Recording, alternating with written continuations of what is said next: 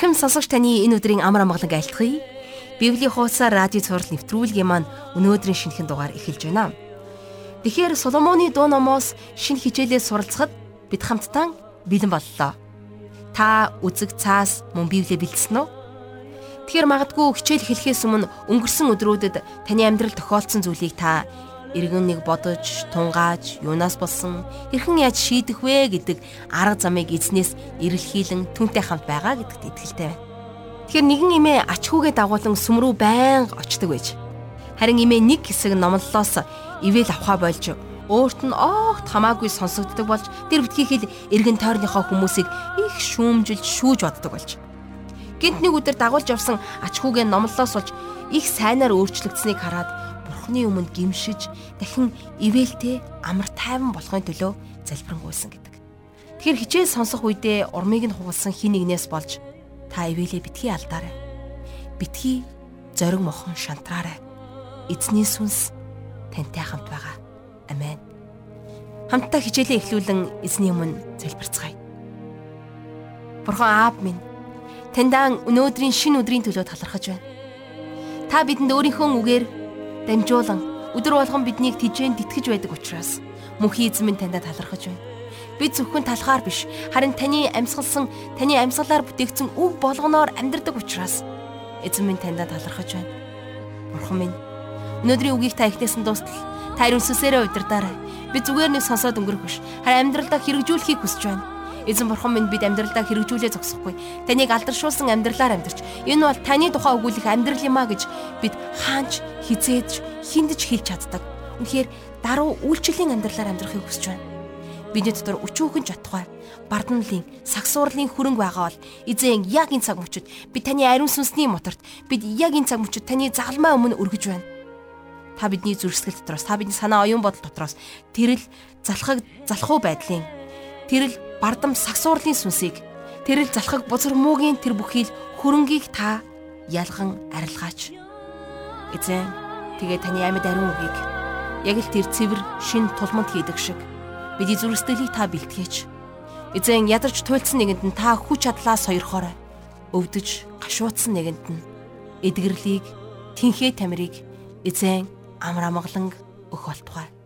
Бурхан минь таньд талархаж бүхий л зүйлийг таны мотор дүргэж эзэн Есүсийн нэрээр залбирanгуйлаа. Амен. Ингээд хамтдаа жаргал агшиг хичээлд анхаарлаа хандуулцгаая.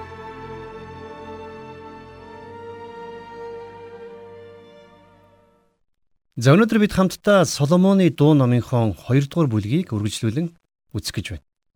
Ингээд хамтдаа 16 дугаар ишлэлийг гаргаад уншицгаая. Хайрт минь минийх харин би түүнийх. Сараануудын дунд сүргээ тэр бэлчээнэм гэсэн байна. За тэгэхээр Соломоны дуун ном болвол Есүс Христ за бас Христэд итгэгч хүмүүсийн хоорондох дотн нандин харилцааг их гайхамшигтайгаар илэрхийлсэн ном. Библиэлд Христ болон Христэд итгэгчдийн харилцааг ийм тодорхой. За тэгээд ийм уран яруугаар илэрхийлсэн өөр ном байхгүй гэж би хувьдаа боддог. Тэгэхээр дээр хэлсэн байна. Хайрт минь минийх харин би түүнийх гэж. За энэ бол Христ болон итгэгчдийн харилцааг үнэхээр гоё илэрхийлсэн илэрхийлэл байгаа юм. Энэ бол теологийн үүднээс ч гэсэн аваад үздсэн хамгийн гайхамшигтай үнэн юм шүү дээ. Эзэн Есүс өөрөө Иохны 14-ийн 20 дугаар эшлэлдэр та нар миний дотор би та нарын дотор гэж хэлсэн байдаг. Харин Соломоны дуу номон дээр сүйт бүсгүй нь хайрт минь минийх харин би түүнийх гэж хэлсэн байна. Есүс Христ энэ дэлхий дээр ирээд та бидний өмнөөс загалмай дээр амиа өгсөн. Тэгэхээр Христ одоо бидний дотор байгаа. Тийм учраас бид нэр Есүс Христийн амьдралыг энэ дэлхийд харуулж амьдарч байх ёстой. За мэдээж ингээхийн тулд бол бид нар ариун сүнсний хүчээр амьдралаа замнуулах ёстой, тийм ээ? Та бидний хувьд Есүс Христтэй хамт Бурхны өмнө хүлээн зөвшөөрөгдсөн. Есүс Христтэй нэгдсэн. Есүс Христтэй хамт амилсан хүмүүс болсон. За тийм ч учраас Паул Колоссе хотынд бичсэн загтлынхаа 3-ын 1-р эшлэлдэр Тиймээс хэрв та нар Христтэй хамт амьлуулагдсан юм бол дээгүүрхийг хай. Тэнд Бурхны баруун талд Христ заларч байгаа гэж хэлсэн байна. Хэрвээ та Есүст итгэж Бурхны хүүхэд болсон бол Есүс Христэд хайртай гэдгийг хэлээрэй. За магадгүй та бид нэр тиймч баян чинэлэг хүмүүс биш байж болно. А гэхдээ бол бид нар баян. Яагад үгэвэл бидэнд Есүс Христ байгаа. Бид нар хүнийг биш, харин Христийг алдаршуулдаг. За тийм ч учраас Паул 1-р Коринтын 3-р бүлгийн 21-с 23 дугаар ишлэлдэр ингэж бичсэн байна. Бүх юм та нарынх тул хинч хүмүүсээр бүү сайрхаг. Паулч, Аполч, Кефч, ертөнцөч, ам хийгээд үхэлч, одоо хийгээд ирээдүйч бүгд та нарын аж. Та нар бас Христих бөгөөд Христ Бурхных мөн гэж Паул хэлсэн байна. Бид нэр бүгдээрээ Христих. Христ бас бидний. Тэр бол бидний аврагч. Бид нар Есүс Христтэй улам бүр ойр амьдарч өөрсдийн сүнслэг ивэл хөрүүлүүдийг улам илүүтэйгээр амсаж амьдрах учиртай. Тэгэхээр би Христийг Христ минийх гэж итгэлтэйгээр хэлж чадах тийм хэмжээнд та итгэлийн амьдралаар амьдраарай. За цааш нь юу гэж хэлсэн байв нү гэхлээр сараануудын дунд сүргээ дээр бэлчээнмэ гэж хэлсэн байна тийм ээ. Тэгэхээр Есүс Христ бол та бидний хончин. Тэр бидний ногоон бэлчээрт бэлчээрлүүлдэг. За энэ бол итгэгч биднэрт бурхнаас ирдэг нөхөрлөл, баяр хөөр, сэтгэл хангалуун байдлын илэрхийлэл юм. Өнөөдөр энэ дэлхий ийм зүйлийн хойноос хөөцөлдөн амьдарч байна. Эдгэр зүйлсийг олж авахын төлөө хүмүүс юу ч хийхээс буцахгүйгээр амьдарч байгаа. Да харин итгэгч та бидний хувьд гэх юм бол Есүс Христтэй хамт амьдарч түүний дотор баяр хөөртэй, түүний дотор сэтгэл хангалуун амьдрах боломжтой шүү. Энэ бол сүнслэг ивэл ерөөл. Харамсалтай заримдаа бид нэр тэр болгон ингэж амьдарч чаддгүй. Бид Есүс Христээс зуурч түүний хүч чадлаар л амьдрах хэрэгтэй. За тийм учраас хайрт минь минийх харин би түүнийх гэсэн энэ л итгэлээр бид нар амьдрах учиртай гэдгийг энэ номноос бид бас суралцах боломжтой байна. За үргэлжлүүлээд 2 дугаар бүлгийн хамгийн сүүлчийн ишлэл болох 17 дугаар ишлэгийг одоо уншийе. Өдрийн амьсгааг сэрэгтэл, үнэгэн харанхуйг үрэгтэл, жалгат уулс дээрээ миний хайрт залуу буг гөрөөс адил эргээрээ. За үрийн үнэгэн харанхуйг үрэгтэл ирээрээ гэж хүссэн хүлээж байгаа тухай бид сая эндээс уншлаа. Тэгэхээр Есүс Христийн хувьд гэх юм бол үхлийн харанхуйг ялан дийлж амлалтын гэрлийг хүмүүн төрлөختөнд авчирсан. Таны төлөө Есүс Христийн хийсэн тэр бүх зүйл таны хувьд гүн гүнзгий утга учиртай байгаасай гэж би хувьдаа хүсэж байна. Та яг л энэ үнэн дээр бат зогсож, яг л энэ үнэн дотор амьдарч, амьдралын хар бараан өдрүүдэд энэ л үнэн таны амьдралын гэрэл гэгээ байгаасай гэж багш миний зүгээс хүсэж байгаамаа. За эндээс эхлээд Соломоны дуу номын 3 дугаар бүлийг эхэлж байгаа. А гэхдээ энд Соломоны дуу номын 2 дахь дуулал үргэлжилсээр байдаг. А гэхдээ эндээс энэхүү хоёр дахь дууны хоёр дахь бадаг эхэлж байна гэсэн үг. За тэгвэл эндээс өөр нэгэн үзэгдэл эхэлж байна. Соломоны дуу номын эхний хэсэг дээр бол бид нэр Ифраимийн уулархаг нутгийг харж байсан болвол харин энд Соломон хаан Иерусалимд тэрнийг авчирсны дараах дүр зураг гарч байгаа. За хамтдаа Соломоны дуу номынхон 3 дугаар бүлгийн 1-ээс 2 дугаар ишлэгийг одоо уншийе. Амин голоос хайртай түүнээ шүнэд би орондоо хайнам. Хайлээгээ түүнийгэ харин би ис олном. Хашгирч түүнийг дуудаадж хариуг тэр ис өгнөм. Одоо би босч орон хотоор явсуу. Гудам талбайг гулд хидчин голын хайрта горилж бидэрсүү. Хайлээгээд би түүнийгэ харин ис олгоо гэсэн байна. За тэгэхээр энэ үйл явдлын үзэгдэл болвол шүү дээ. Иерусалим дахь ордон руу шилжсэн байгаа нь харагдаж байна. Соломон хаан шүнэн бүсгүй гэргээгээ болгож ордондоо авчирсан. За харин хэсэг хугацаа өнгөрсний дараагаар Соломон хаан тэрнийг орхиод алсын аянд морддог. За энэ хэсэгт бол шүнэн бүсгүй эр нөхрөө ирж хайж байгаа талаар өгүүлсэн байна. За энэ бол яахын аргагүй эр нөхрөө хүссэн хүлээсэн сэтгэлийг бид нар эндээс харж болохоор байна тийм ээ. За юу гэж хэлсэн байна уу гэхлээр амин голоос хайртай түүнээ шүнэд би орондоо хайнам гэж хэлсэн нь итгэгч та бидний Есүс Христтэй харилцах дотн харилцааны илэрхийлэл болж байгаа юм. За цааш нь одоо би босч орон хотоор явсуу гэж энэ хэлсэн нь эзнийг ирж хайж байгаа шийдэмгий байдлыг илэрхийлсэн байна. За дараагаар нь харин хайлээгээд би түүнийг харин ис олвоо гэж хэлсэн байна тийм ээ. За энэ бол яахын аргагүй тэрний чин сэтгэлийн үчил байна. За юу вэ гэхлээр маш олон итгэгчид Христийг олдоггүй. Яагаад вэ гэж? Яагаад гэхлээр тэд нар Есүсийг ирж хайдаггүй юм. Өнөөдөр маш олон итгэгчид цуглаан дээрээ суусаар байгаа мөртлөө Есүсийг олоогүй л байдаг. За тэгсэн мөртлөө тэд нар Есүсийг олоогүй гэдгээ хүлээн зөвшөөрдөг. Гэхдээ хэрвээ бид нар Есүсийг бүх зэрэг сэтгэлээрээ хайх юм бол олдох болно гэж Есүс өөрөө амласан байдаг. За мөн Яаковын бичсэн загтлын 4-р бүлгийн 8-р ишлэгийг харах юм бол Бурханд ойртох тун. Тэгвэл тэр та нарт ойртно. Нүгэлд та нар гараа цэвэрлэл. Хоёр санаад та нар зүрхээ ариусга гэж бичсэн байдаг. Ямар ч байсан Бурхныг хайсан хүн заавал олно гэдгийг Библи бидэнд дахин дахин батлан хэлсэн байна. За 3 дугаар ишлэл дээр харуулынхан хот эргэж яваад харин намайг олов. Халуун голын хайртыг минь хараагүй биз. За энд хотын харуулынхан шүнэн бүсгүй тусалсан тухай гарч байна тийм ээ. Тэд нэр тэрэнд Соломон хааныг олоход нь тусалсан. Шүнэн бүсгүй Соломон хааныг холгүйхэн газраас олсон байна. За дөрөвдүгээр эшлэлдэр амжиж тэднээс салангууд амин хайртай би олов. Ээж минь намайг хөвлийдээ олж тээсэн энэ өрөөнд ортлоо ис тавьж явуулваа гэсэн байна. За энэ бол нэг талаараа бурхныг ирж хайхын гайхамшигтай ерөөл байгаамаа. Амин хайртаа би эндээс олвоо гэж хэлсэн байна тийм ээ. Үнэхээр та бид нар бурхныг чин сэтгэлээсээ ирж хайх үед түүнийг олдгийг.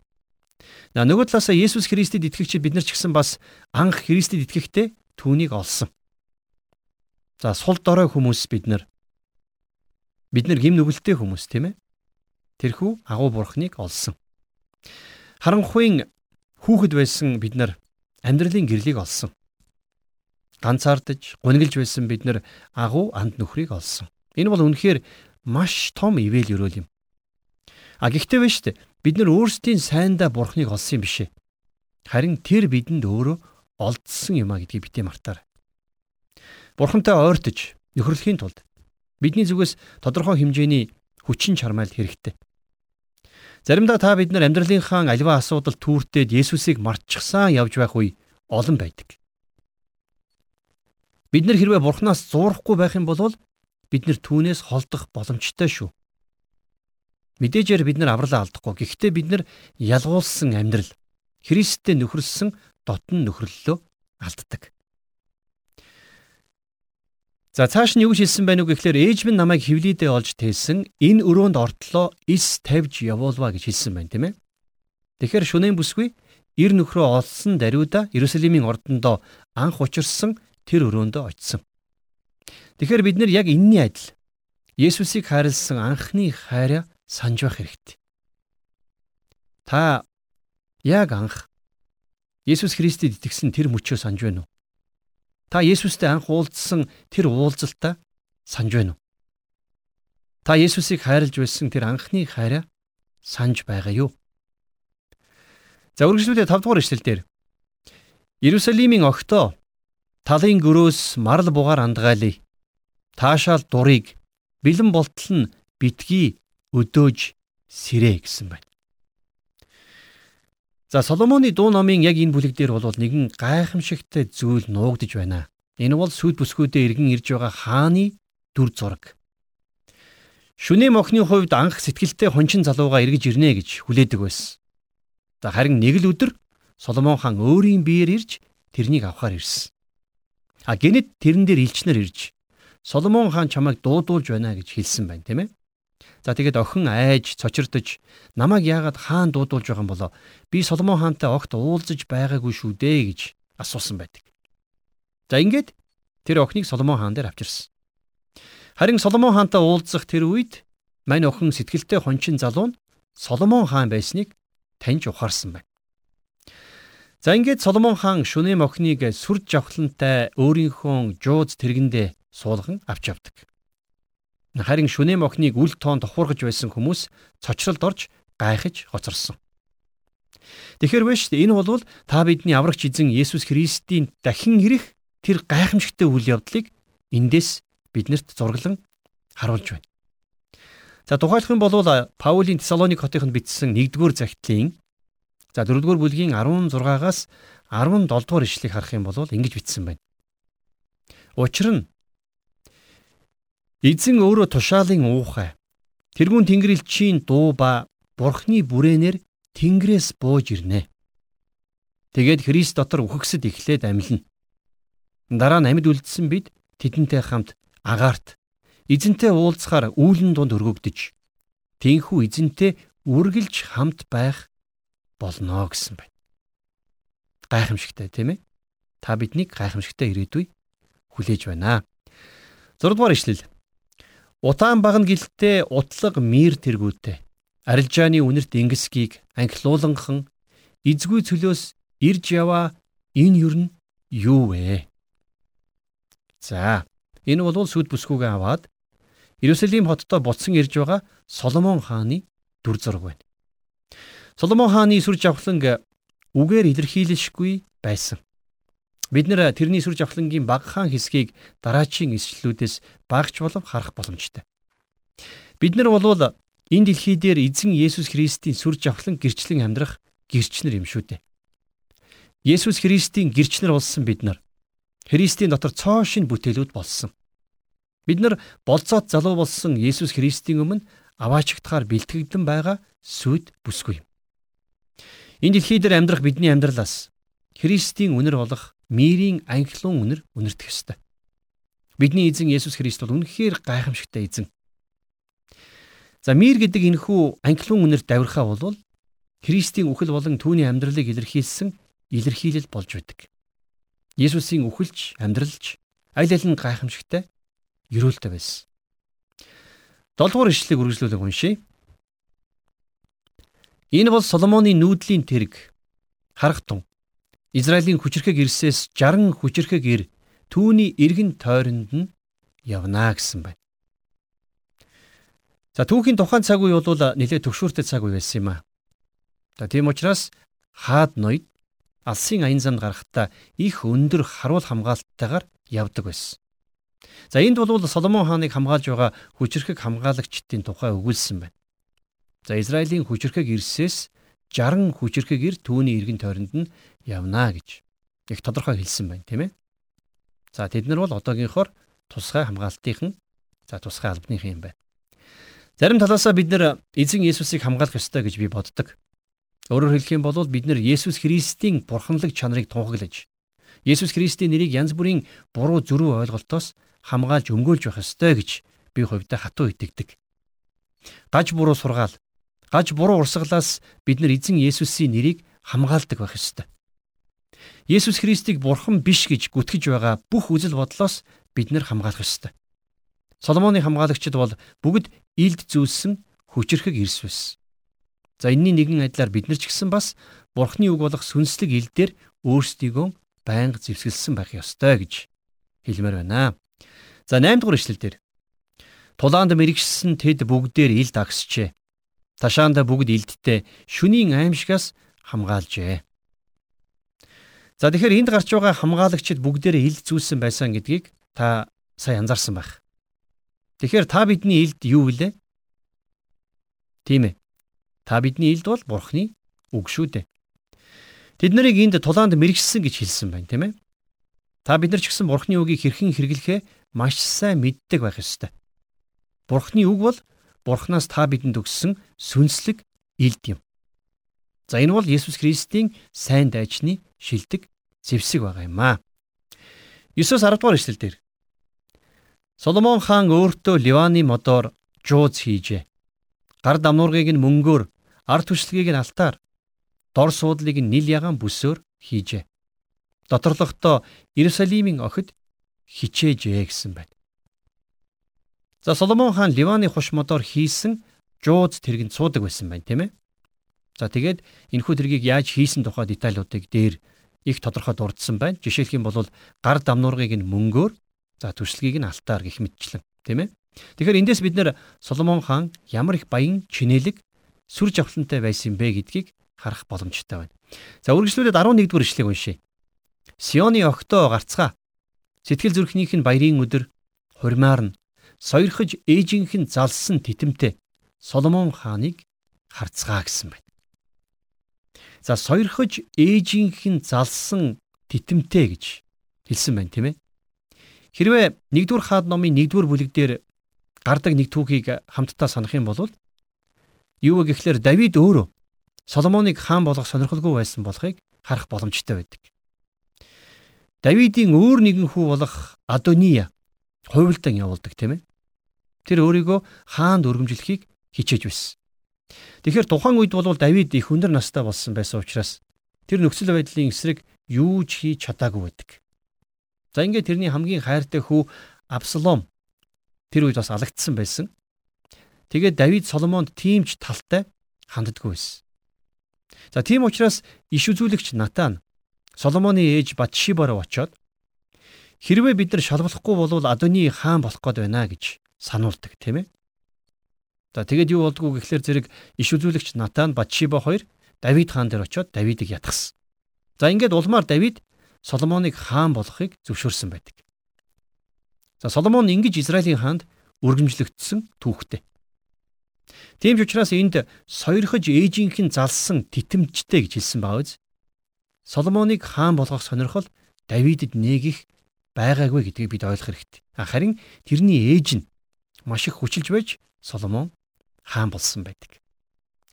За дараагаар нь Соломон хааныг харцгаа гэсэн энэхүү тунхаглал бол Есүс Христийг илэрхийлсэн зургал болдог.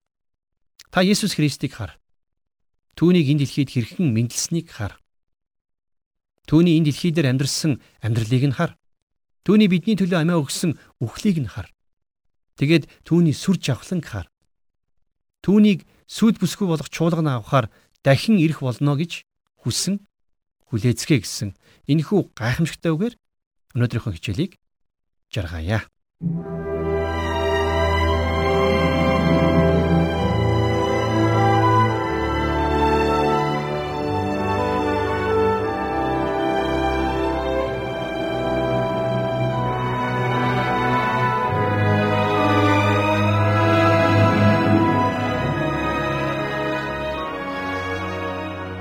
Бид хамтдаа Соломоны дуу номынхоо 2 дугаар бүлгийн 16 дугаар ишлэлээс 3 дугаар бүлгийн 11 дугаар ишлэлийг дуустал хамтдаа уншиж судлаа. Тэгэхээр энэ ном бол зөвхөн Иремийн хайрын тэдний дундах хайрын тухай ном биш. Харин Бурхан хүнийг хайрлах, эзэн Есүс биднийг хэрхэн хайрладаг тухай хайрыг бичсэн ном юм аа. Хичээлийг зааж тайлбарлаж байгаа жаргал агштаа маш их баярлалаа. Тэгэхээр бид бол Христийн юм аа. Христ биднийх юм аа. Бид Христтэй нэгдсэн Бурханы хүүхдүүд юм. Амен уу. Бид амьдралынхаа туршид зөвхөн түүнийг л эрен хайж амьдрах учиртай. Есүс Христийг үнэн зүрхээр эрен хаагч бүхэнд тэр олдох болно гэж аль хэдийнэ амласан. Эзэн бурхан бол бидний бурхан бол амлалтандаа хойрог нэгэн биш юм аа. Хожим нь тэр энэ дэлхий дээр сүр жавхлантайгаар дахин нэг удаа ирэхдээ өөрийн хаанчлалыг мөнхөд тогтоох болно. Тэр цагт чуулган Христийн сүд бүсгүй мэт Христтэй мөнхөд хамт байх болно та хизээ нэгтэй мөн хаа нэгтэй. Тэгэхээр гайхамшигтай сүд бүсгүйг харсан байх. Сүд бүсгүй болгон үзэсгэлэнтэй байдаг. Түүний цагаан даашинз, хувцас, оёл зүүсгэл бүхлээрээ будаг шунхан биш. Тэр дотроосоо гэрэлтдэг учраас зөвхөн цагаан даашинз нь биш, зүрх сэтгэл нь баяр багтлаар дүүрэн байдаг учраас болцоо залуу руугээ яардаг учраас бүсгүй дотроосоо гэрэлтдэг. Тэгвэл энэ цаг мөчид хамтдаа Библийн хуудасаар нэвтрүүлгийг сонсогчдоо бид нэгэн зүйлийг уриалж байна. Эзэн Есүс Христийг ирэх өдрийг хүртэл болцоод залууга төвчээртэйгээр дисвэртэйгээр ариун шударгаар журамтаагаар хүлээсэн сүд бүсгүйчүүд байцгаая. Тийм ээ бурхан бидний дотор олон дүрээр жишээ татан хайраа илэрхийлж байгаа нь үнэхээр гайхамшигтай. Нэгэр миний хувьд Соломоны дуу номыг уншиж байсан, ойлгож таньж мэдснээсээ илүү олон зүйлийг, илүү нарийн утга учирыг энэ удаа судалж явах явцдаа таньж мэдж байна бурханд үнэхээр талархал магтаалыг өргөд баршгүй. Тэгэхээр бурхны хүүхдүүд болохынхоо хувьд түүний сүд бүсгүй болохынхоо хувьд түүний цэрэг дайчин эрэлхэг итгэмжид зарц болохынхоо хувьд бид амьдралын өдөр хоног мөч тутмыг Хин байх ёстойгоо гүн гүнзгий ухаан таньж түүндээ үнэнч байж амьдарцгаая. Учир нь бид ганцаараа биш. Тийм ээ бид ганцаараа биш. Та ганцаараа биш. Эзэн бидэнтэй хамт байгаа. Амен. Хамтдаа талархалтайгаар залбирцгаая. Бурхан минь эзэн минь таньда үнэхээр талархал магтаалыг өргөж байна. Үнэхээр бид эзэн Есүс Христийг ширтэн харж амьдрахыг хүсэж байна. Зөвхөн таныг, зөвхөн таныг ширтэн харж амьдрахыг хүсэж байна. Бурхан бид энэ амьдралдаа эд баялаг, эрх мэдэл, мөнгө төгрөг, нөхцөл байдал, карьер хин нэгэн хүнийг харж биш харин зөвхөн таныг ширтэн харж амьдрахад та ариун сүнсээр бидэнтэй хамт байгаарай. Мөнх эзэн бид таныг харж өөрсдийнхөө амьдралаар дамжуулан таныг бусдад гэрчлэн харуулж амьдрахыг хүсэж байна. Аваа та биднэр дамжуулан үнэхээр алтаршаарай. Хайр гэж юу байдгийг, уучлал гэж юу байдгийг нэгүсэл хайр ивэл бэлэг гэж юу байдгийг би биэндээ хэрхэн үйлчлэх ёстойг та биднэр дамжуулан энэ дэлхийг дэрчлэн харуулаарай. Мөнхийн эзэн минь таньда талархаж байна. Бурхан та бидний амь амьдралын 70 80 90 100 жилээр дамжуулан зөвхөн та синтедэ залрагч Бурхан минь та алдарш болтугай. Бидний итгэлийн зохиогч Иесус Христийн нэрээр амьдралынхаа өдөр хоногуудыг түүнд даатгаж эзний ариун нэрээр бүхий л зүйлийг өргөн залбирлаа. Амен.